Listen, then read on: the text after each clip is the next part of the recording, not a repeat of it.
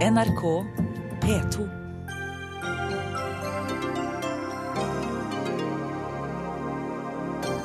Ny forskrift for asylbarna trer i kraft allerede i dag. Men i to år har både den rød-grønne og dagens regjering prioritert å sende ut lengeværende barn. Arbeiderpartiet fortalte ikke SV om det. Nobeldirektør Geir Lundestad skapte bråk da han kritiserte hele Nobelkomiteen bare få dager før fredsprisutdelingen. Direkte ufint, mener VGs Hanne Skartveit. Fall i oljeprisene og avgiftslettelser må merkes på bensinprisene, krever Siv Jensen, som møtte bensinselskapene i dag. Dette rår Siv Jensen over mer enn oss, svarer kjedene.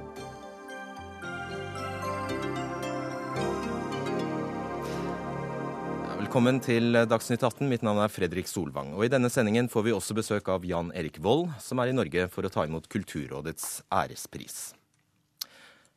På fredag ble Venstre og KrF enige med regjeringen om en ny asylforskrift. Og For et par timer siden kom det beskjed om at eh, forskriften trer i kraft allerede i dag. Ann Margrethe Austun, du er generalsekretær i Norsk organisasjon for eh, asylsøkere. Hva er den eh, viktigste endringen, slik du ser det? Nei, er, Sånn som vi ser det, så er det tre ting. Men det viktigste er en tydeliggjøring av at det skal mer til for barn som har vært i landet i fire og et halvt år og mer. Der skal det vektlegges mer den tilknytningen de har opparbeidet til Norge gjennom skole, barnehage, deltatt i aktiviteter. Så er det, slik vi leser det, en større grad av differensiering mellom foreldre som har da på den ene siden medvirket til å avklare identitet, og de som har aktivt motarbeidet avklaring av identitet, og en tredje mellomgruppe, de som har forholdt seg passive. Kan vi ta de to tingene, Masiar Keshvari, du er innvandringspolitisk statsmann i Frp. Er det nå kommet på plass en helt klar regel om at har du vært i landet i mer enn fire og et halvt år, så får du bli? Altså, Det er jo ikke satt noe årstid at hvis du har vært mer enn fire og et halvt år, så får du bli. Det er ikke noe generell amnesti som er innført nå. Hva er forskjellen da? Det er at barns beste skal telle eh, mer. Eh, dette, denne forskriften kom jo som et resultat av implementering av den samarbeidsavtalen vi inngikk med Venstre og KrF på Nydalen i fjor, og som var en opprydning etter den rød-grønne regjeringen, som sørget for å la mennesker som til tross for avslag være her over mange år. Og Det har jo fått en del urimelige utslag, som vi også har sett. Derfor har vi vært med på det punktet og den nye forskriften. Men det er ikke innført noen generell amnesti i Norge for barn som har vært der verken fire eller fem eller seks år. Det skal jo vurderes individuelt. Ja, Hvor skal grensen gå nå, da? Nei, altså De må jo vurdere det opp mot de kriteriene som er satt opp. Og så er det en del eh, ting som er tungtveiende. F.eks. Hvis, de eh, hvis de har bevisst holdt eh, sin identitet tilbake, hvis de har begått alvorlig kriminalitet osv. Og, og så er det noen mindre eh, og mildere omstendigheter. Men det er ikke innført generelt amnesti i Norge nå for de som har barn og har vært der over eh, en gitt eh, årstid. Kan du forklare for oss når havner du i de forskjellige kategoriene her? Hvis du spiser papirene dine, eller hvis du kommer hit uten pass, eller hvis du eh, ikke forteller sannheten om hvor du kommer fra. Når havner du i de forskjellige kategoriene? Det er jo noe som må vurderes opp mot de andre kriteriene av bl.a. UNE, da, som får sakene eh, som blir innklagd til dem. Eh, og Det er jo en helhetsvurdering opp mot alle de kriteriene. Det er jo nevnt en rekke forhold, f.eks. For barnets språkferdigheter, hvor lenge barna har vært der, skolegang osv. Holder dette? Altså Det som er tydelig, er at det skal legges større vekt på barnets egen tilknytning til, til riket, altså til Norge. Og det er vesentlig. Det er noe som vi har etterlyst. Og jeg mener at denne forskriften, med det brevet som, som følger om hvordan den skal forstås, den er tydelig på at den praksisen som Utlendingsnemnda har lagt seg på, med fire og et halvt år og minst ett av de årene på skole, den blir nå lagt til grunn. Og har barnet vært så lenge og lengre, så skal det tunge argumenter mot at barnet skal få opphold. Ja, men da fortsetter bare den praksisen som har eksistert? da? Ja, men det, det, understrekes at det skal legges større vekt på barnets tilknytning enn det som ble gjort eh, etter gjeldende forskrift. Så det er en styrking av barnets eh, egen tilknytning.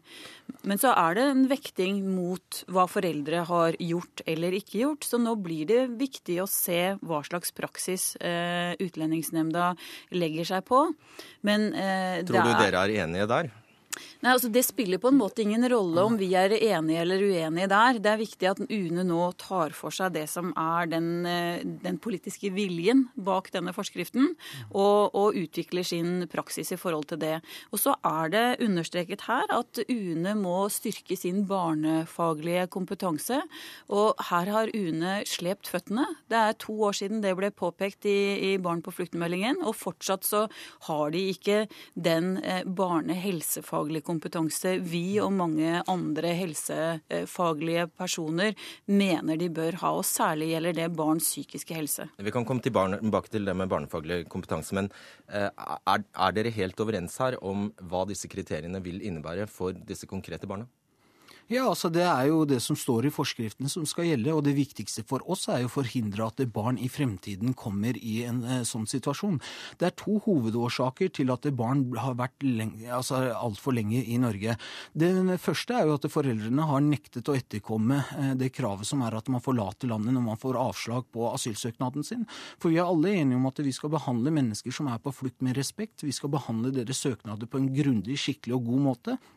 Til gjengjeld så krever vi den samme respekten tilbake, at man forlater landet hvis man ikke har grunnlag for å være her. Dernest så skyldes dette også at eh, den rød-grønne regjeringen var inkompetente også på dette feltet. De klarte ikke å uttransportere eh, mennesker som hadde fått avslag. Og det går en grense eh, for hvor lenge barn som er født og oppvokst i Norge, eller i realiteten ikke kjenner noen andre land enn Norge, som har fått utdanninga si her, som spiller på fotballaget, som har blitt en del av lokalmiljøet, skal kastes ut av landet. Det er ikke, det er ikke rimelig at barn skal eh, ta straffen for at eh, deres foreldre ikke etterkommer norsk lov, og at eh, man har hatt en inkompetent regjering. Altså nå, I dag er det altså 124 asylbarn i Norge som har vært her mer enn fem år, ifølge tall fra dere. Hvilke konsekvenser får dette for dem? Nei, Vi mener at det, dette må føre til at det skal uh, tunge grunner til at de ikke får bli. Og da er det som det tyngste som trekkes fram her, det er dersom foreldre har levert falske dokumenter eller løyet om, om egen identitet. Som er det, det sterkeste uh, tungtveiende innvandringsregulerende hensynet som, som trekkes fram her. Er det litt spesielt å sitte og skryte av Frp? Vi skryter ikke av Frp, men vi kan godt eh, skryte litt av Venstre og KrF. Eh, for det, dette hadde ikke kommet på plass dersom ikke de hadde insistert på det i den avtalen som ligger til grunn for eh, at regjeringen regjerer. Og ikke noe av dette hadde vært nødvendig hvis den rød-grønne ja, regjeringa hadde gjort jobben sin. Men Keshvari, veldig kort om dette, denne barnefaglige kompetansen. Hva betyr det egentlig? Det betyr at de må få mer kompetanse på det som går på barns eh, helse, det som går på barns eh, ve og vel. Eh, og så er det ulik oppfatning på når man har klart å oppnå mer av det. Så det er jo ikke noe fasitsvar med to liksom streker under at hvis du ansetter en eller to til med akkurat den utdanningen, så har du oppnådd det.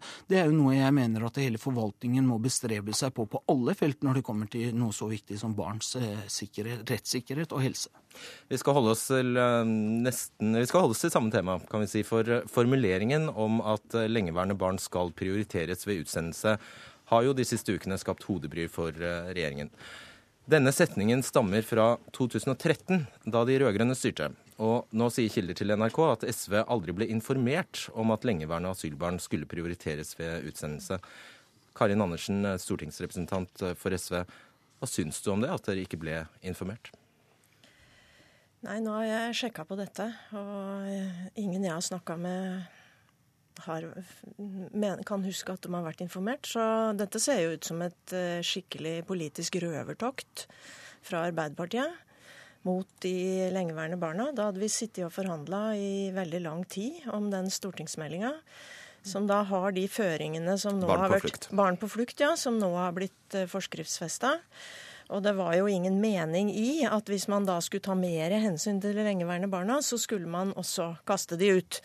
Uh, og jeg forventer jo at når man samarbeider med noen, så legger man fram ting som det er kontroversielt. Dette var veldig kontroversielt.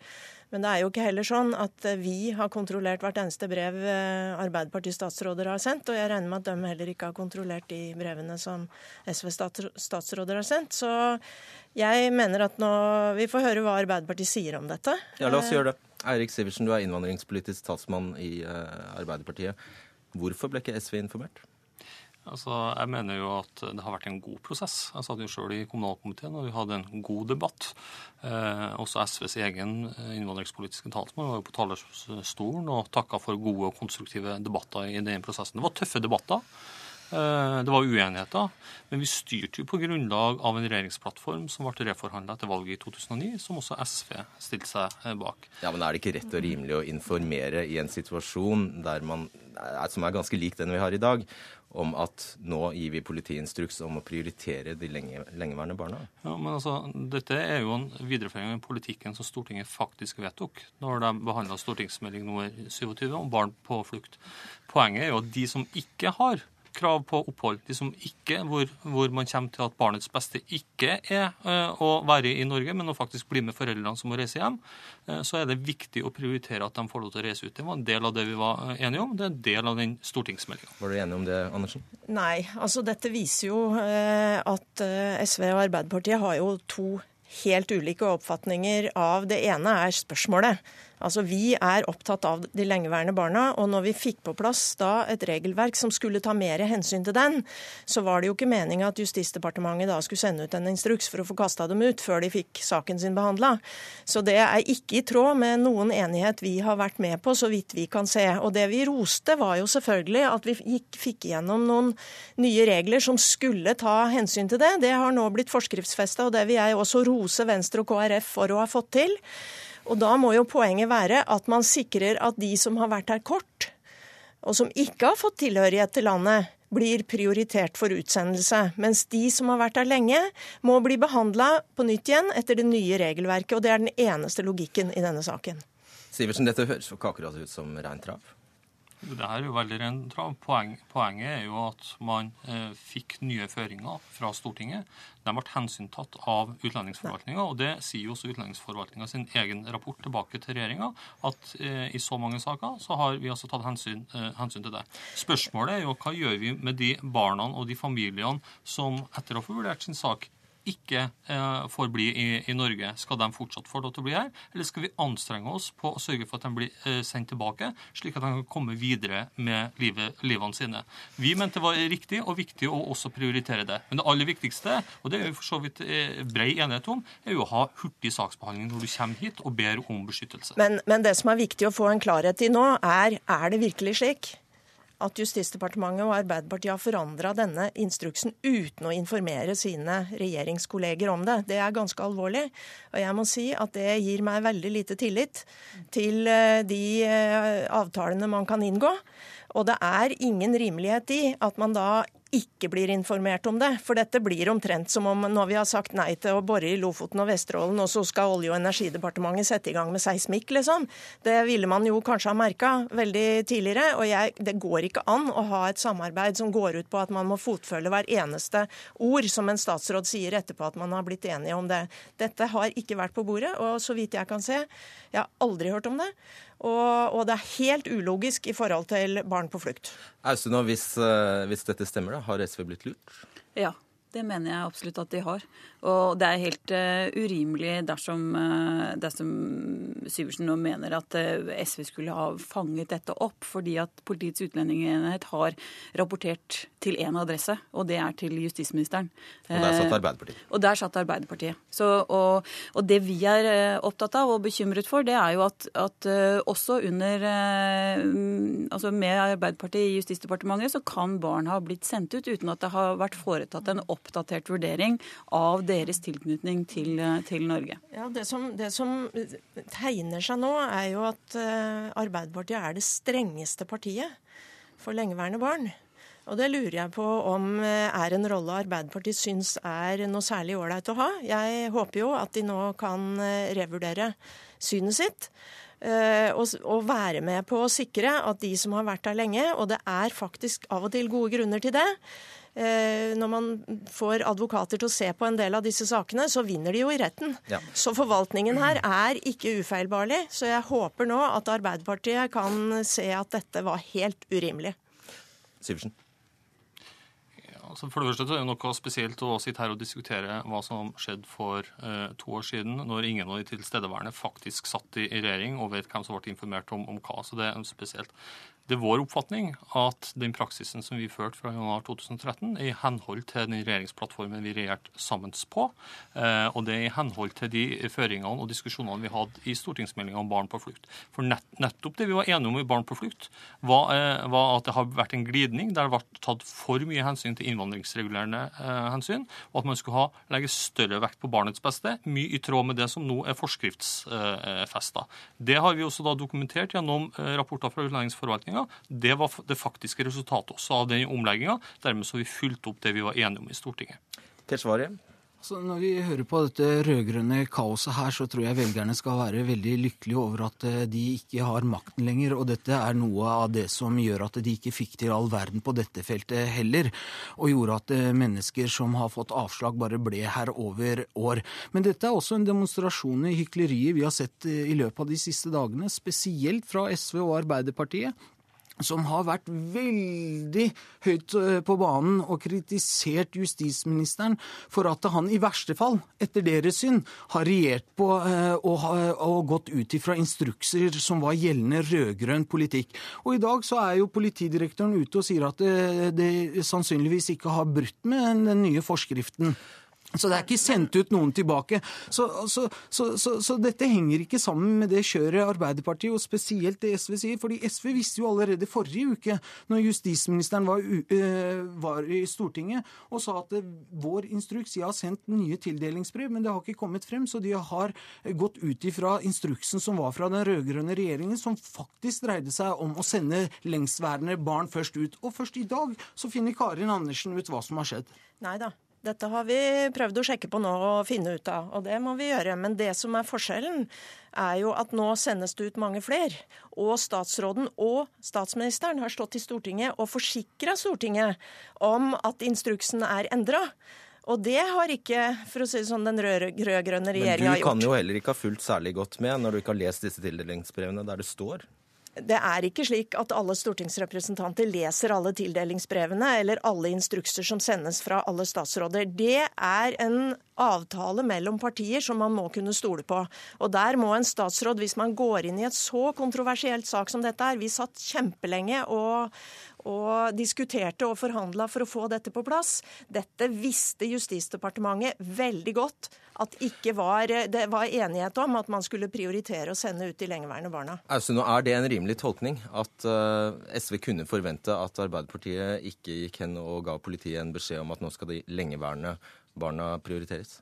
Ja, faktisk. fordi at det stortingsflertallet faktisk var enige om, var at UNEs praksis hadde utviklet seg for strengt. Derfor ble UNE pålagt å rapportere om sin praksis. Og det viste seg at den utviklet seg da til, til det positive for lengeværende barn.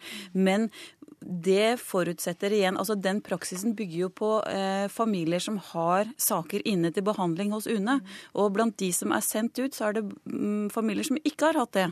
Og da ser ikke politiet på eget grunnlag noen, noen grunn til å, å kontakte Utlendingsnemnda og be om en oppdatert vurdering før, det, før barn sendes ut. Så hva kan i praksis ha skjedd der? Hva kan ha utfallet av det? Jo, så, så, praksis kan være at Arbeiderpartiet da, etter den store debatten gjennom høsten 2012, i tildelingsbrevet justis, eh, fra Justis og til de underliggende enhetene da fra januar 2013, har satt i gang en praksis som har gjort at flere barn har blitt sendt ut uten en oppdatert vurdering av deres tilknytning til riket. Som kunne hatt krav på å bli i henhold til eh, meldingen Barn ja. på flukt. Og det vet, det vet, vi ikke om det skjedde da. Og det kan jeg ikke forstå at Humlegård kan si at han vet med sikkerhet nå hvorvidt det har skjedd eller ikke. Det er helt nytt for meg i hvert fall at politidirektøren har den type innsyn i asylsaker. Syversen, er ikke dette også snakk om anstendighet overfor en regjeringspartner? Jo, men altså, Vi har jo ingen problemer med anstendigheten. Vi har jo diskutert dette. Eh, vi har blitt enige om hvordan vi skal eh, forholde oss til det. Vi har vært enige om at det skal legges større vekt på barnas beste i forhold til lengeværende. Men det har også vært stor enighet om at de som ikke skal oppholde seg i Norge, må komme videre med livet sitt. De kan på en måte ikke fortsette å leve i Norge i en limbo. Det er viktig at også disse barna får lov til å, å komme tilbake. Det var en av grunnene for å nettopp legge til rette for at lengeværende asylbarn eh, blir sendt tilbake. For Arbeiderpartiet så var det jo viktig å føre en rettferdig og rettssikker og en konsekvent politikk. Det har vi lagt vind på, og vi har da styrt med det. Og det er nettopp som Østene nå også sier i sitt, sitt innlegg her, ja, det er rapporten vi ba om eksplisitt etter å ha behandla i stortingsmeldinga for å dokumentere ja, hvordan slår nå da disse politiske føringene ut på eh, praksisen. De viser jo nettopp at flere fikk lov til å bli enn de ville vært før diskusjonen i Stortinget. Men det er også helt riktig at noen av de som har blitt sendt ut, kunne, ikke fikk vurdert saken sin. Og det samme kan hende nå. fordi nå er det mange flere som blir sendt ut. Og problemet her er jo at hvis man skal samarbeide med noen, så skal det altså være sånn at man er nødt til å fotfølge hver eneste komma. Hvis det ikke skal være at, at man ikke kan stole på den enigheten som er oppnådd.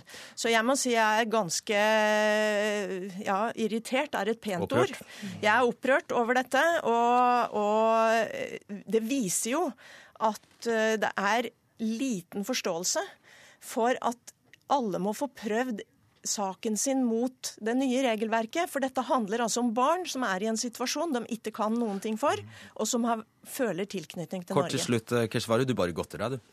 Nei, det, det, gjør jeg ikke. Eh, fordi at det er aldri en heldig situasjon at landet har hatt en eh, regjering som eh, ikke har visst hva de har drevet med fra departement til departement, og det er fullt kaos både mens de satt i regjering og ettertid, slik det er nå. Men Arbeiderpartiet har jo bommet dobbelt, da, hvis målsetningen var at de som fikk avslag, skulle raskt ut av landet. Hvorfor innførte dere ikke retursenteret slik vi har gjort nå? Hvorfor det er en helt annen diskusjon. Altså, de da... gjorde jo ingenting ja. med noen av delene hvis det var målsettingen deres. Ja. Ok, takk skal dere dere ha Eirik Sivertsen fra Arbeiderpartiet, Karin Andersen fra SV, Ann Margrethe Austun fra NOAS og Mazyar Keshvari fra Frp.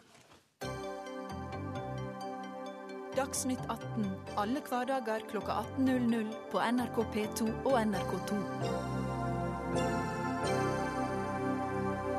Ja, I dag kommer altså de to nobelprisvinnerne Malala Yousufzai og Kailash Satyarthi til Norge og Oslo. Og om to dager skal Nobelkomiteens leder Torbjørn Jagland og nobeldirektør Geir Lundestad stå side om side og prise de to i Oslo rådhus. Og akkurat det kan vel bli litt av et skue når vi kjenner til bakteppet. For avtroppende direktør Lundestad uttalte til Aftenposten i helgen at tidligere statsministre og utenriksministre ikke bør sitte i Nobelkomiteen. Leder i Nobelkomiteen Torbjørn Jagland har vært begge deler. Og Nobelkommentator i NRK Tom Christiansen, også i dag har de to herrene Jagland og Lundestad opptrådt sammen. Og du traff Jagland på flyplassen i morges. Hva kunne han si om den saken? Han sa ingenting, men han ristet på hodet. Og de holdt god avstand, så ingen skulle få bilde av kroppsspråket til de to eh, herrene. Men eh, Jagland er jo mener jo at uh, komiteen har en uavhengighet som på mange vis uh, Lundestad setter et spørsmålstegn ved, ikke blir oppfattet.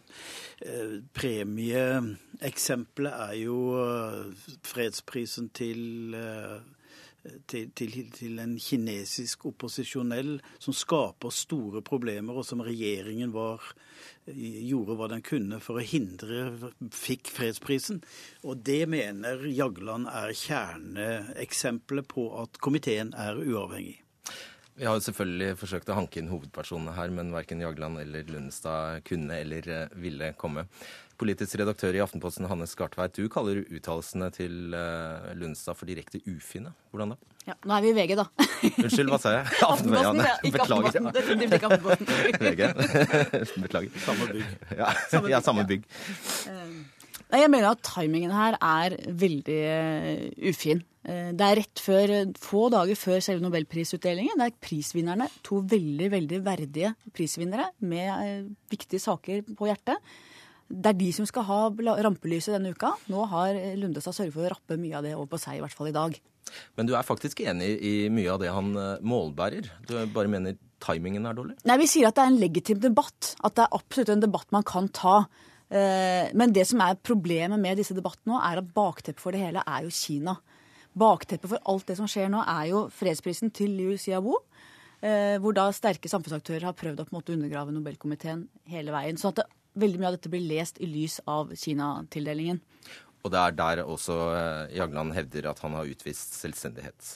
Ja, og han mener at det dokumenterer uavhengigheten til ja. Og han sier at det er resultatene nevnte det for meg i dag. Det er resultatene man skal kjennes på, mer enn sammensetningen av eh, komiteen. Mm. Eh, tidligere visepresident på Stortinget og SV-politiker Akhtar Chaudhry, i et blogginnlegg på ABC Nyheter så er du helt enig med Lundestad i at båndene mellom Nobelkomiteen og Stortinget er for stramme. Hvordan da? Helt enig. Lundestad kommer med mange ting. Eh, men jeg er enig i én ting, nemlig at det er veldig tette bånd Eh, oppleves tette bånd eh, rundt omkring i verden mellom maktstrukturene i Norge og Nobelkomiteen.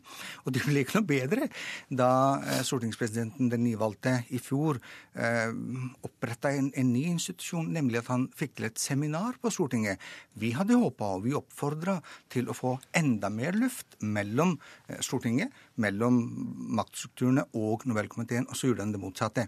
Så der er vi nødt for å se på, og dette har jeg sagt mange ganger, vi er nødt for å se hvor mye luft det er mellom Nobelkomiteen og eh, resten av maktstrukturen. Bare kjapt til det, eh, Nå er jo ikke Olemic Thommessen her til å forsvare seg, men du selv deltar jo på Nobelbanketten som, som visepresident? Jo, det og, og, og det er altså hvis det er en kritikkverdig holdning, så tar jeg jeg var en del av det. Eh, og kanskje nettopp derfor så må vi se på helheten i det. Når, eh, vi, må, vi må ha bildet klart for oss. Eh, det er tidligere politikere, en statsminister, en tidligere statsminister, en tidligere utenriksminister. Alle andre også har maktposisjoner, sitter i det. Det er Stortinget som utnevner det. Når vinnerne kommer ut eller blir annonsert, så er det hele vårt maktapparat står klare til å hylle, eventuelt noen av dem eh, på en måte kritisere, så samler vi oss alle sammen i eh, rådhuset med kongen i bresjen. Så da er det for, for, verden er det veldig vanskelig å forstå at det likevel er sånn at denne komiteen er så veldig uavhengig, veldig klare eh, på en måte eh, mellom maktapparatet og Eh, og komiteen. Og det må vi gjøre noe med, fordi, eh, fordi eh, ellers så mister både komiteen og selve prisen sin, sin, sin posisjon i verden. Tom Kristiansen, bare litt tilbake til, til Lundestads kanskje mest rammende kritikk her. Hvem i komiteen mener han egentlig ikke holder mål? Ja, det er bare én, og det er Kasi Kullmann Som holder mål, altså? Som holder mål, som Kasi Kullmann Five. Og altså, han, på podiet på onsdag sitter det en komité med fem medlemmer. Og sekretæren i denne komiteen går ut og sier at fire av de fem er diskvalifisert. Det er jo dette som irriterer Jagland, ikke sant, av hva slags oppfatning av Lundestad av å være sekretær. Men også hvilke motiver har han? For han har jo ikke noe konflikt med Torbjørn Jagland. Fins ikke noe sånn konflikt. Og det som jo er bekymringsfullt da, fra, for, fra komitélederens side, det er jo at eh, komiteens sekretær går det samme æren som en del av Nobelkomiteens kritikere, og som han vel mener svekker komiteen. Ja, Hanne Skartveit, eh, denne situasjonen som vil oppstå på onsdag når de skal gjøre gode min til slettspill, er, du, er det det som er ditt anliggende, at det blir pinlig? Nei, på ingen måte. Altså det, De gutta klarer det, og det er, de er proffe. Det er ikke det det går på. Men det går på for det første å ta eh, rampelyset fra, eh, fra prisvinnerne. Det er jo de vi bør snakke om nå. Og så er det også noe med Sjodi som snakker om at vi må få mer luft mellom eh, makta og komiteen. Det som igjen er problemet her, er jo bakteppet Kina. Erna Solberg sa jo plutselig eh, nylig, at, eh, da dette gikk sist med Dalai Lama, at hun vil vurdere fra gang til gang om hun skal gratulere fredsprisvinneren eller ikke. Det er helt uholdbart å si i en situasjon hvor Kina presser sånn på for at vi skal ta avstand fra fredsprisen. Sånn at alle den type utspill som kommer nå, som kanskje i en annen setting hadde vært helt OK, de ses på, og jeg ser veldig på det, som knefall for Kina. Og det syns jeg er ganske ekkelt. Å se hvordan norske myndigheter, norsk næringsliv, andre eh, angriper Nobelkomiteen med Kina som bakteppe for at de ønsker å please Kina. Tror du virkelig Lundestad gjør knefall nei, for Nei, Lundestad tror jeg ikke det, men han kaster seg på en bølge. Og jeg vet ikke helt hva Lundestad sine motiver er i dette her. Om han på en måte bare vil ha oppmerksomhet, eller hva, hva, som, hva han ønsker, det vet jeg ikke. Jeg syns bare det er veldig rart valgt tidspunkt fra komiteens sekretær etter 25 år i ydmyk og skikkelig tjeneste for den komiteen å gå ut på denne måten få dager før prisen, det er veldig rart. Han kommer i et veldig dårlig selskap i praksis. Ja da. Chaudhry, ja. Ja, for det første så er jeg helt enig med Skartvedt i at vi, vi må passe oss for at vi ikke opplever som om vi er i ferd med å gi oss for kineserne. Det er den, den norske Nobelkomiteen som skal bestemme hvem er det verdig hvert år for prisen. Så det må være helt tydelig. Det andre er at eh, jeg er helt enig at det er veldig ufin eh, tid å gjøre det. Det er fire dager til. Det er to verdige kandidater. Det er de som fortjener eh, oppmerksomhet. Men når det er sagt, og Lundestad har gjort det han har gjort, så må vi ta mannen på alvor. Vi måtte se hva er det han sier. Han har sittet der i 25 år, og jeg skal være så frimodig å si at eh, han har vært en av dem som har vært så arrogant at han ikke ville ta imot de utspillene, innspillene som kom. For, for, ja, for for, å se på, å se på hvordan komiteen kan bli bedre, og hvordan pri, prisen kan eh, heve sin anseelse. Jeg håper da at denne debatten tas opp på, eh, altså etter at seremonien er over, og at vi går videre og ser hvordan kan vi faktisk ta eh, eh, de innspillene, mange av dem som har vært der. Og et av dem er nettopp hvorfor må vi ha eh, stortingspolitikere, eller så tette folk, inn i Stortinget, inn i komiteen dagen etter de går ut av det. Skartveit, alt her handler jo ikke om Kina. Han tar jo opp behovet for at eh, komitémedlemmene kan snakke engelsk, og det er vel helt greit? Nå, altså, det syns jeg også er litt Eh, latterlig. Altså, Jagland har en veldig norsk aksent på sin engelsk. Men han har et godt ordforråd. Han snakker litt sånn som Jens og Thorvald Stoltenberg, far og sønn.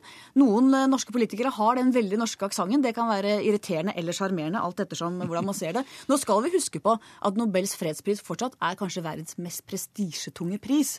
Sånn at eh, det er ikke sikkert vi må redde den fra, fra grøftekanten her. Og når det gjelder hvem som skal sitte i komiteen, det er klart bare politikere er ikke heldige med at man skal ekskludere alle ekspolitikere. Det blir også feil. Dette er jo mennesker med et bredt engasjement og bred kunnskap. Så eh, jeg tror det å lage noen veldig firkanta regler ikke blir riktig. Du må velge mennesker med integritet og kunnskap. Kristiansen, til slutt. På onsdag, hvilket, uh, hvordan vil det se ut? Og det vil se elegant ut, og med fanfarer og kongen, regjeringen og dommere. Alt som er av, av stas her i landet. Og ingen som ser på dette, vil, vil bli slått av at dette er en privat pris. Det ser veldig kongelig og offisielt ut. Tusen takk skal dere ha. Akta Chaudhry, Hanne Skartveit og Tom Kristiansen.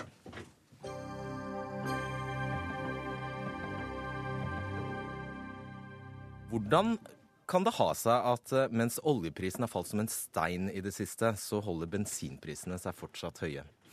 Ja, Dette var et av spørsmålene finansminister Siv Jensen og næringsminister Monica Mæland krevde svar på da de møtte fire bensinstasjonskjeder i ettermiddag. Og finansminister Siv Jensen, du kalte altså inn disse bensinstasjonskjedene til et møte. Hvorfor det? Fordi det er to ting som inntreffer samtidig nå. Det ene er at uh, oljeprisen faller ganske mye. Uh, og da bør man jo legge til grunn at det kommer til syne på pumpeprisene. Det andre er jo at eh, regjeringen har fått gjennomslag for reduksjon i eh, drivstoffavgiftene med virkning fra 1.1. Og vi ville forsikre oss om at eh, det kom, vil komme forbrukerne til gode. Ved at også man ser det på pumpeprisen. Og det ene er litt mer langsiktig enn det andre. Altså, I dag har oljeprisen falt to dollar bare i dag. Så du mener at det i seg selv skulle borge for lavere pumpepris? Altså, jeg skjønner at det er eh, flere forhold som påvirker eh, sluttprisen på produktene i pumpene. Men man kommer ikke bort fra at et så kraftig fall som vi nå ser i, på råoljeprisen, også eh, vil påvirke pumpeprisen. Og det er jo sånn at dette har vi jo sett før. Vi har hatt tider tidligere med kraftig oppgang i oljeprisen. Da har ja, drivstoffselskapene sagt at eh, ja, de skylder stort sett alltid på myndighetene. Eh, og Derfor mener jeg det er nødvendig å gå i en dialog med dem. Eh, og så sier du du ser ikke det samme når prisen går ned? Nei, altså når oljeprisen går opp, så ser man jo veldig fort at pumpeprisen går veldig fort opp. Når oljeprisen går ned, så går jo ikke pumpeprisene like fort ned. og det som var viktig for oss, var jo å høre litt om hvordan selskapene vurderer prisutviklingen. og hvilke garantier de kan gi for at forbrukerne får nyte godt av dette. Det er rart det der, Pål eh, Hellås. Du kom fra Statoil Fuel and Retail, kommunikasjonsdirektør der. Det er litt rart at dere er så raske med å sette prisen opp når oljeprisen går opp, men kanskje ikke fullt så raske når den går ned? Det er faktisk ikke et entydig mønster som du beskriver nå. Altså, det er ikke helt reelt at det foregår på en måte, men det har begynt å sette seg som en eh, holdning hos folk flest. Da er det veldig hyggelig å bli kalt inn til møte med næringsministeren og finansministeren for å snakke litt alvor og vise fram tallene sine og forklare hvordan vi faktisk setter disse prisene. Um, uh, det er en veldig fin måte å nærme seg den, det som har blitt en slags uh, falske sannheter i norsk offentlighet. At drivstoffprisene drives opp av selskapenes marginer, og at vi, har, at vi ikke følger kostnadsprisene våre ned i det norske markedet, at vi bare følger dem opp. Det er ikke tilfellet, og jeg tror at finansministeren ble beroliget av den informasjonen vi presenterte for henne tidligere i dag. Har du gitt Siv, Siv Jensen en leksjon? Uh, jeg vil ikke akkurat si det, uh, men jeg tror det var veldig nyttig og veldig lærerikt for begge parter å sette seg ned på den uh, måten. Og som sagt så er vi ytterst takknemlige for å få lov å bruke tid med så viktige aktører for oss som næringsministeren og finansministeren. For vi er en svær næring. når jeg sitter i møte med finansministeren, så snakker jeg ikke bare på vegne av selskapet vårt, men 300 norske aksjeselskaper som driver små bensinstasjoner rundt omkring i Norge, og som har presset lønnsomhet, som har tøff konkurranse fra en rekke aktører, både i egen bransje og utenfor. Så det er kjempeviktig for oss å kunne forklare og vise fram hvordan prisene våre eh, settes, og hva som er marginbildet akkurat nå. For vi trenger faktisk drahjelp fra finansministeren, vi. Så nå er dere helt enige? Vel, vi fikk nok litt eh, varierende tilbakemeldinger fra selskapene på hva de mener er de bakenforliggende årsakene. Men det jeg er opptatt av, er at vi faktisk nå har tatt initiativet til dette møtet. Det har jo så vidt jeg vet aldri skjedd tidligere fra noen andre regjeringer. Eh, men det er jo også et signal til bransjen om at vi mener alvor med dette. Vi følger utviklingen. Eh, og jeg er glad for at konkurransemyndighetene gjør akkurat det samme. For vi må huske på at dette er et marked med ganske begrenset konkurranse. Eh, de mener jo selv at den er veldig tøff, men den er begrenset, og den varierer ganske mye fra store byer til små steder. Eh, og da mener vi det er viktig å ha et godt blikk på å sikre at forbrukerne nyter godt av de fallene i pris som tross alt oppstår. Nå har vi jo sett eh, at bensin- og dieselprisene er i ferd med å komme noe ned. Det er bra. Jeg mener det fortsatt er litt å gå på. Og så vil jo jeg forsikre meg om også at de, de avgiftsreduksjonene vi nå har fått vedtatt, som er egentlig ganske historisk, for det er ikke ofte det skjer, også kommer forbrukerne til gode og ikke forsvinner i økte marginer. Men det er jo først neste år. Ja, det er med virkning fra 1.1. Og jeg håper jo at vi vil se den virkningen ganske tydelig. Fordi alternativet er jo at eh, prisene bare øker, og at det forsvinner i en margin. Men Hellås, greide du å dokumentere at du ikke stikker avansen i egen lomme? Vi eh, har vist frem innkjøpsprisene våre, og så har vi vist hvordan prisene i det norske markedet korrelerer eh, med dem. Eh, og vi har overhodet ikke dårlig samvittighet, verken overfor finansministeren overfor, eller overfor kundene. Vi har også lovt at de avgiftsendringene som kommer på nyåret, de skal bli direkte synlige i våre nye listepriser. For det er sånn, og det som er historisk med denne avgiftsnedsettelsen, det er jo det er like historisk som at vi faktisk møtes. Eh, det har bare skjedd en gang tidligere, i 2001, at man eh, satte ned drivstoffavgiftene i Norge. Ellers så øker de jevnt og trutt. Men eh, vi ble nøye etterprøvd sist gang dette skjedde. Da gikk det bra, og det kommer til å gå bra en gang til. Men er det sånn at det er dere, kjedene, som sitter med nøkkelen til å få ned pumpeprisen? Nei, altså Siv Jensen sa jo at selskapene skylder på finansministeren. Og finansministeren tar inn 60% av pumpeprisen i avgifter. Det er vel størrelsesorden 33 milliarder i inntekter fra salget på våre produkter så, så har hun jo eh, styring over 60% mens vi selv i selskapene har styring over rundt 10% Eller vil si vi har eh, en form for styring over de 10% For innenfor der skal vi dekke alle våre kostnader. Så eh, midlene, pengene som kan bringe norske drivstoff Eh, priser betraktelig ned. De finnes ikke i selskapene, men de finnes i Finansdepartementet. Så hunden ligger begravet i Finansdepartementet? Nei, altså, la meg si, Det er jo riktig at uh, avgiftene i Norge er høye. og Derfor er jeg veldig glad for at vi nå har fått presset gjennom uh, en reduksjon i drivstoffavgiftene. Det var jo ikke lett, og alle som fulgte budsjettforhandlingene så jo at det satt langt inne. Men det er jo to forhold vi har fått gjennomslag for, og blitt enige med, med, med Kristelig Folkeparti og Venstre om. Det ene er jo den reelle nedgangen på ordinære drivstoff. Men så er det jo også det at vi nå får mer biodrivstoff tilgjengelig til en lavere pris. Samlet sett så innebærer jo dette en lettelse på nærmere 900 millioner kroner på, med årsvirkning. Eh, og Det betyr jo at folk kan fylle rimeligere og grønnere, og det er veldig positivt. Men så er det jo sånn at, at det er begrenset konkurranse i dette markedet. Og nå har vi jo sett, og som også konkurransemyndighetene har eh, dokumentert, at nå har vi fått to sånne såkalte pristopper i markedet. Hvor plutselig stiger prisen ganske mye, og så går den litt ned igjen. Og Da er det jo viktig at også forbrukerne kjenner sin besøkelsestid eh, og, og presser på for dette. Fordi forbrukerne har mye makt hvis de bruker den. Ikke hvis alle har samme pris? Nei, men det er jo nettopp når de legger press på, eh, på kjedene og, og, ber om dokumentasjon på prisene, så mener jeg at det vil virke inn på prisen over tid. Driver dere prissamarbeid? Eh, nei, overhodet ikke. Og det fine med disse tilsynene det er jo at de konkluderer med at det ikke foregår ulovlig prissamarbeid. Og tro det eller men vi har faktisk bedt finansministeren om å fortsette med de tette tilsynene som Konkurransetilsynet driver i dag. For vi trenger en tredjepart å vise til. Vi kan ikke friskmelde oss selv fra mistanken om, om prissamarbeid i et selskap hvor det finnes eh, noen store og noen små selskaper. Eh, sånn at eh, Tilsyn det oppfatter vi som, eh, som positivt. Vi syns det er ubehagelig å være under, under mistanke når vi faktisk er opptatt av en renlig og skikkelig drivstoffbransje. Men disse avgiftskuttene som Siv Jensen snakker om, vil de få stor betydning for prisen? Eh, nei, det er jo snakk om å fryse veibruksavgiften på dagens nivå uten å inflasjonsjustere. Og inflasjonen eh, Nå er det ikke jeg som er finansminister, men den er vel på noen få prosent eh, i året. Så det store utslaget vil det ikke gi. Men det er jo sjelden, da. Men altså hvis de ikke hadde blitt uh, prisjustert uh, Nei, hvis de hadde blitt prisjustert, så hadde jo prisene steget med 10-14-15 øre per liter. Uh, sånn at det er klart at dette kommer til å merkes over tid for forbrukerne. At vi ikke gjør det.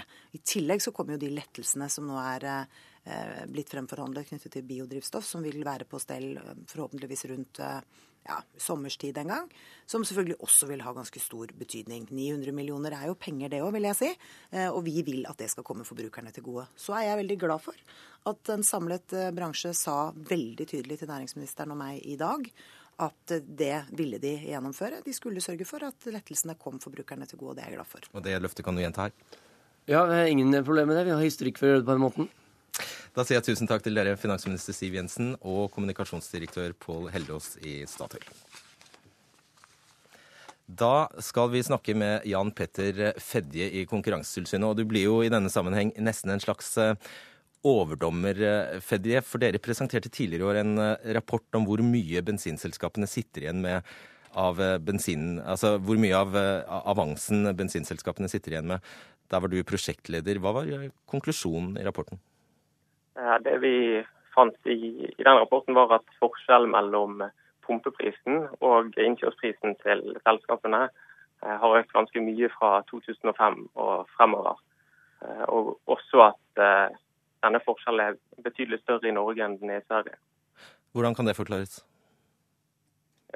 Det er to ulike forklaringer vi har sett. Det ene er dette som skjer med at det er to prishopp i løpet av uken. Både mandager og torsdager går prisen høyt opp.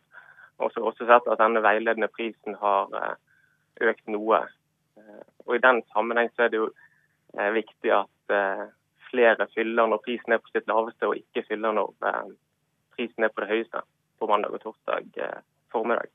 Hva er grunnen til at prisene varierer sånn alt etter ukedag? Det er et mønster som har etablert seg i markedet der prisen går, går opp på mandag og torsdag formiddag, og så faller den utover. Sånn at den eh, er på sitt laveste punkt eh, søndag kveld og mandag morgen og torsdag morgen. Og dette er likt for alle kjedene? Ja, dette er noe som jeg har sett at alle kjedene følger nå. Ja, jeg hadde egentlig ikke tenkt det, men uh, siden vi har det her, Hellos, uh, vil du svare på dette?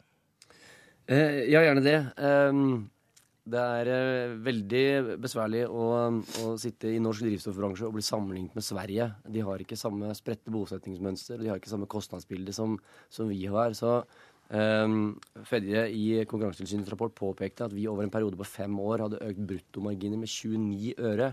Eh, det er ikke veldig mye når du tenker på kostnadsutviklingen eh, i, Norge. Så det er ikke direkte sammenlignbart. Og eh, som sagt så er vi tilhengere av tilsyn. Vi vil gjerne at Konkurransetilsynet går grundig inn i problemstillingen eh, norske versus svenske bruttomarginer neste gang de gransker oss. Fedje, har dere ikke vært grundige nok? Eh, det har vi gjort, og derfor har vi tatt på utviklingen også i, eh, i Norge isolert sett og ser at eh, det er en økning. Og vi vet òg at det blir en økning når, når prisen nå også stiger på torsdager. Så ser vi at få kunder har tilpasset det hoppet som skjer på torsdager. Men hvis flere blir obs på det og unngår å fylle på disse toppunktene og, og flytter forbruk til de punktene er lavere priser, så vil også marginene til selskapene gå, gå, ned igjen. Da lar vi det være dagens forbrukertips, rett og slett. Eh, takk til dere.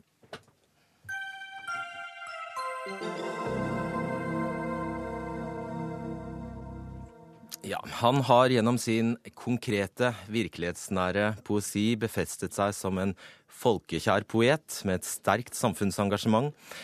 Utdraget er hentet fra begrunnelsen for årets ærespris fra Kulturrådet, og det er deg det handler om, Jan Erik Vold. Velkommen og gratulerer med pris. Takk skal du ha.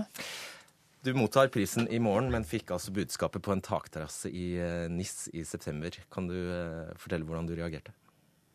Ja, nei, det var jo selvfølgelig veldig hyggelig, det. Vi kom rett fra flybussen, holdt jeg på å si, og så får man en telefon med en gang. Ble du overrasket? Eh, ja, jeg hadde ikke tenkt så mye på det, det må jeg si. Ja, nei, jeg ble overrasket, ja. Og denne prisen deles jo ut til eh, en person som har gjort en innsats av vesentlig betydning for norsk kunst og kulturliv. Eh, hva vil du si du er mest fornøyd med hvis du mm, må velge noe ut fra et snart 50 år gammelt forfatterskap? Velge? Nei, du. Jeg er poet. Og jeg må håndtere språket. Og da er det så mye å gjøre i et sånt land som Norge. Hvor vi har storslagne poeter som er blitt glemt allerede under sin eh, livstid og like etterpå. Så jeg har jo etablert eh, ja, Ernst Orvild, Gunnar Hofmo, Gunnar Larsen, Sverre Udnes osv. videre Og også bare hittil i år så har du jo eh, en kjempelang merittliste. Mye gjendiktning. Her er årets eh, Siden du sier det. Her har vi da først 1100 eh, sider Her er altså Alf Prøysen. Mm -hmm. Lørdagsstubber. Fantastiske tekster. Det er altså kortprosa på, på eh, så høyt nivå som det kan tenkes. Så har vi Lawrence Ferlinghetti, amerikansk poet. 96 år gammel, holder på. San Francisco. Og så hva har vi mer? Så har vi en samling av uh, utvalg CD. av, uh, av CD-ene mine med, med, med Garbarek og Kapstad og, og, diverse andre.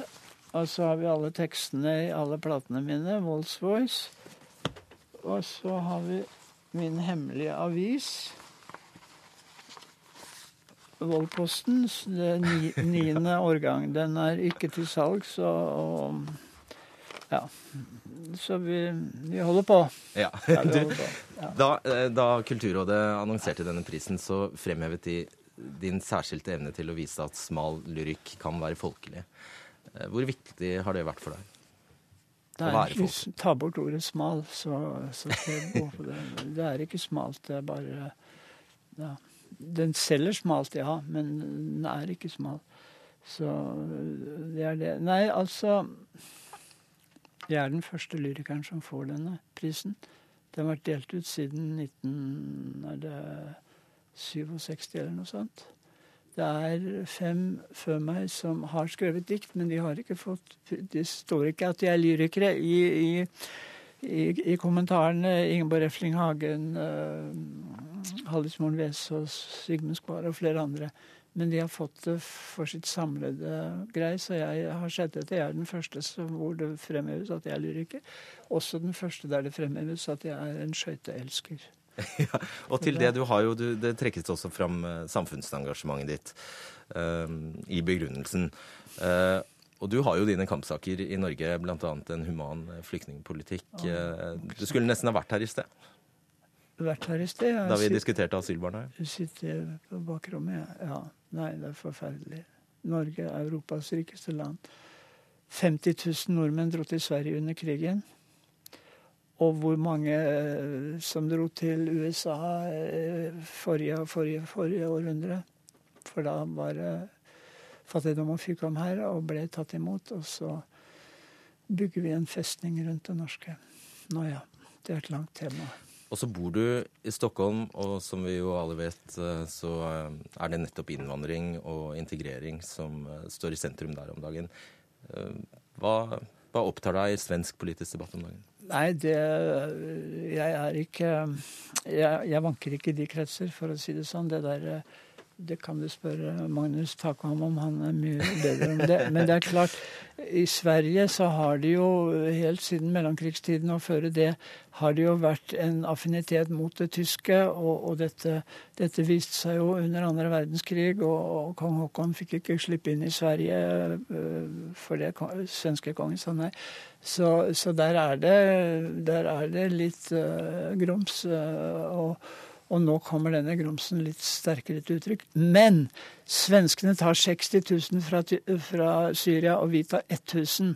Så man skjønner jo at her er det en enorm ubalanse, og at, at la svenskene sende noen av flyktningene sine over til Norge. Det er ikke perspektiv, europeisk perspektiv i det Norge driver på med her, så det er mye å være sørgmodig over. Jeg tror vi lar det være rett og slett uh, slutten for uh, den lille samtalen. Tusen takk, uh, okay. Jan Erik Vold. Alt i orden. Hør Dagsnytt 18 når du vil. Radio NRK Radio.nrk.no.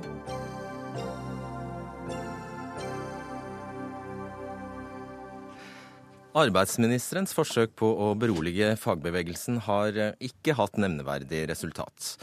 For forslaget om å åpne for midlertidige ansettelser uten vilkår i inntil ett år har fått Parat til å varsle proteststreik på flyplassen i morgen. Og i dag bestemte LO at også de er klare for politisk streik. Og LO-leder Gerd Kristiansen, hva kan dere oppnå med en to timers eh, streik? Eh, norske arbeidsfolk kan få mulighetene til å markere at de er veldig uenig i det regjeringa har lagt fram for det norske storting nå. Vi har jo ikke tenkt å gjennomføre noe politisk streik nå i desember. Det har vi tenkt å gjøre i månedsskiftet januar-februar, når vi vet hvordan behandlinga i Stortinget kommer til å bli. Men du har jo nå tross alt hatt ja, hva er det, over et år på å forberede denne streiken. Dere visste jo at dette var intensjonen til til denne regjeringen? Vi visste det var intensjonen, men vi venta i det lengste for å se hva regjeringa kom til å legge fram. Det har jo vært ei høring der veldig mange er gått imot det forslaget som ligger der. Så vi var veldig spent når arbeidsministeren overleverte saka eh, til Stortinget gjennom statsråd på fredag. Og så har du ikke innfridd arbeidsminister Robert Eriksson. Eh, hva syns du om denne reaksjonen på forslaget ditt? For det første så er streik et lovlig virkemiddel, men det forundrer meg at man går til det skrittet å ramme vanlige folk eh, på et eh, moderat forslag. Eh, det vi gjør, er jo blant annet, og det som opptar meg, er alle de menneskene som står utenfor arbeidslivet, som jeg ønsker å gi en arena for å få prøve seg inn i arbeidslivet. Vi ser gjennom undersøkelser som er gjort, at midlertidige ansettelser innenfor trygge rammer kan være et springbrett for dem som står utenfor for å få prøvd seg inn i arbeidslivet. Og, og Da blir det litt sånn forunderlig når vi har laga også en kvotebegrensning i forslaget. Vi har lytta på innspillene som er kommet fra partene. Og bedrifter som det er veldig mange av i Norge som har under ti ansatte, de får lov til å ha bare én person på midlertidig ansettelse. Og det blir da nærmest karakterisert som at man går tilbake til løsarbeidersamfunnet, det er en rasering av norsk arbeidsliv. Jeg klarer egentlig ikke å ta det seriøst. Jeg syns vi skal alle sammen sette oss ned, skape den gode arenaen for å inkludere flere inn i arbeidslivet. Og det er en total overreaksjon fra LOs side, etter mitt skjønn. Vi skal veldig gjerne sette oss ned og diskutere disse tingene med arbeidsministeren. Eh, men, men vi skjønner egentlig ikke hvor han vil hen. Altså, vi har det beste arbeidslivet i denne verden. Vi har god sysselsetting. Vi har lav arbeidsledighet. Vi har et produktivt arbeidsliv.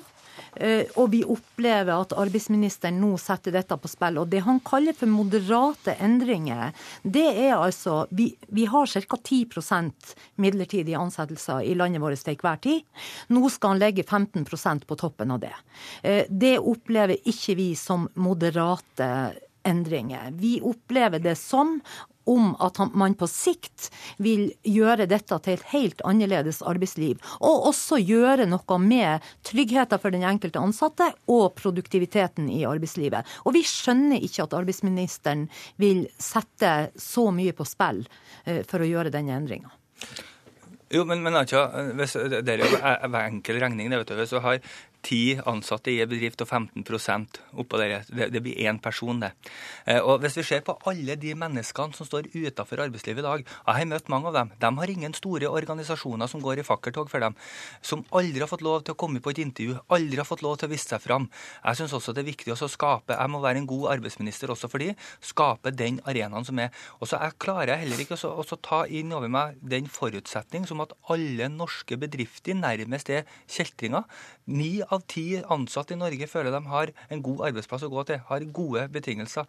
Vi er det landet i Europa som bruker minst midlertidighet og har strengest stillingsvern. Hovedregelen om fast ansettelse gjelder fortsatt.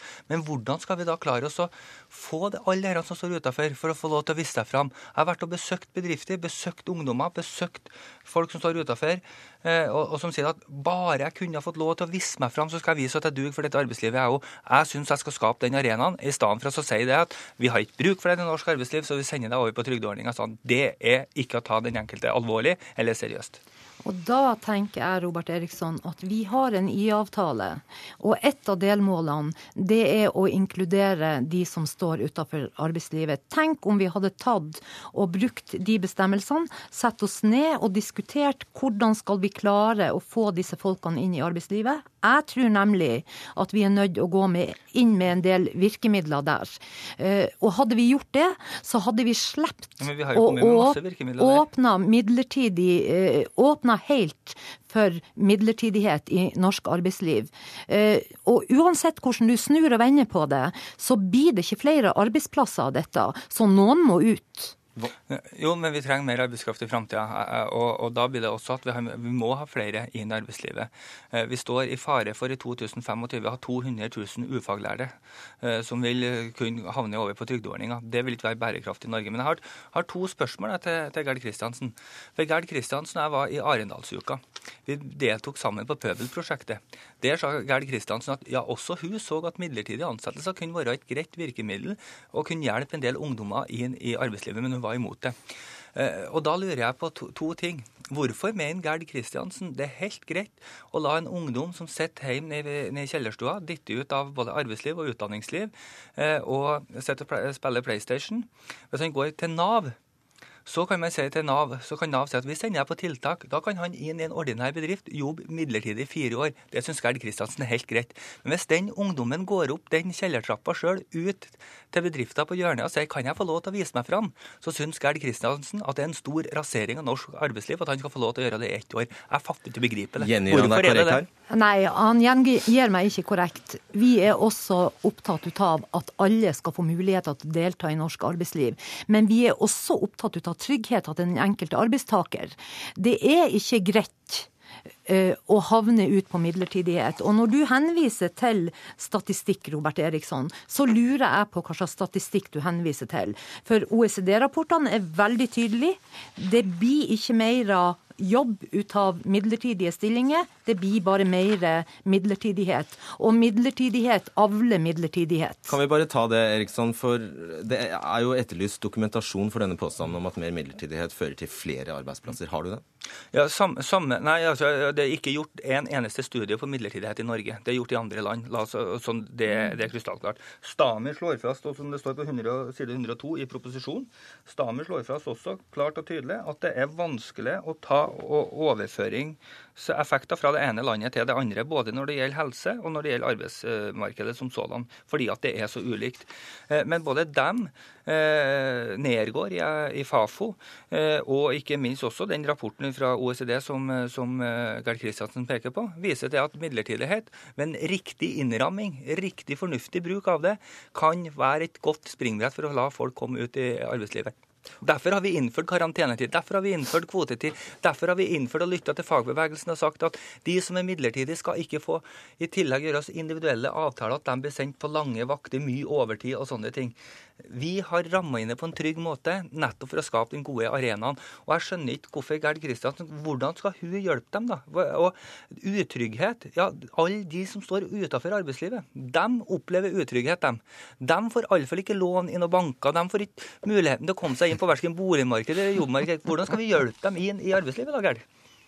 Vi skal sette oss ned og så skal vi diskutere hva slags tiltak skal vi legge i bunnen, sånn at disse kommer inn i arbeidslivet. Vi foreslo i, i, forhold til den eh, meldinga som du har, eller proposisjonen som du har lagt fram nå, at uh, vi skulle utvide prøvetida. For et av elementene var jo dette med at, uh, at bedriftene ikke torde å, å, ta sjansen på å ta, de, uh, ta folk inn fast. Men, men, jeg har lyst til å si til ja, slutt Vi må faktisk la det bli siste år. Beklager. Eh, jeg skal bare si at ansvarlig for denne sendingen var Berit Ytrehus, teknisk ansvarlig var Hanne Lunås, og i studio var Fredrik Solvang. NRK P2. Hør flere podkaster på nrk.no podkast.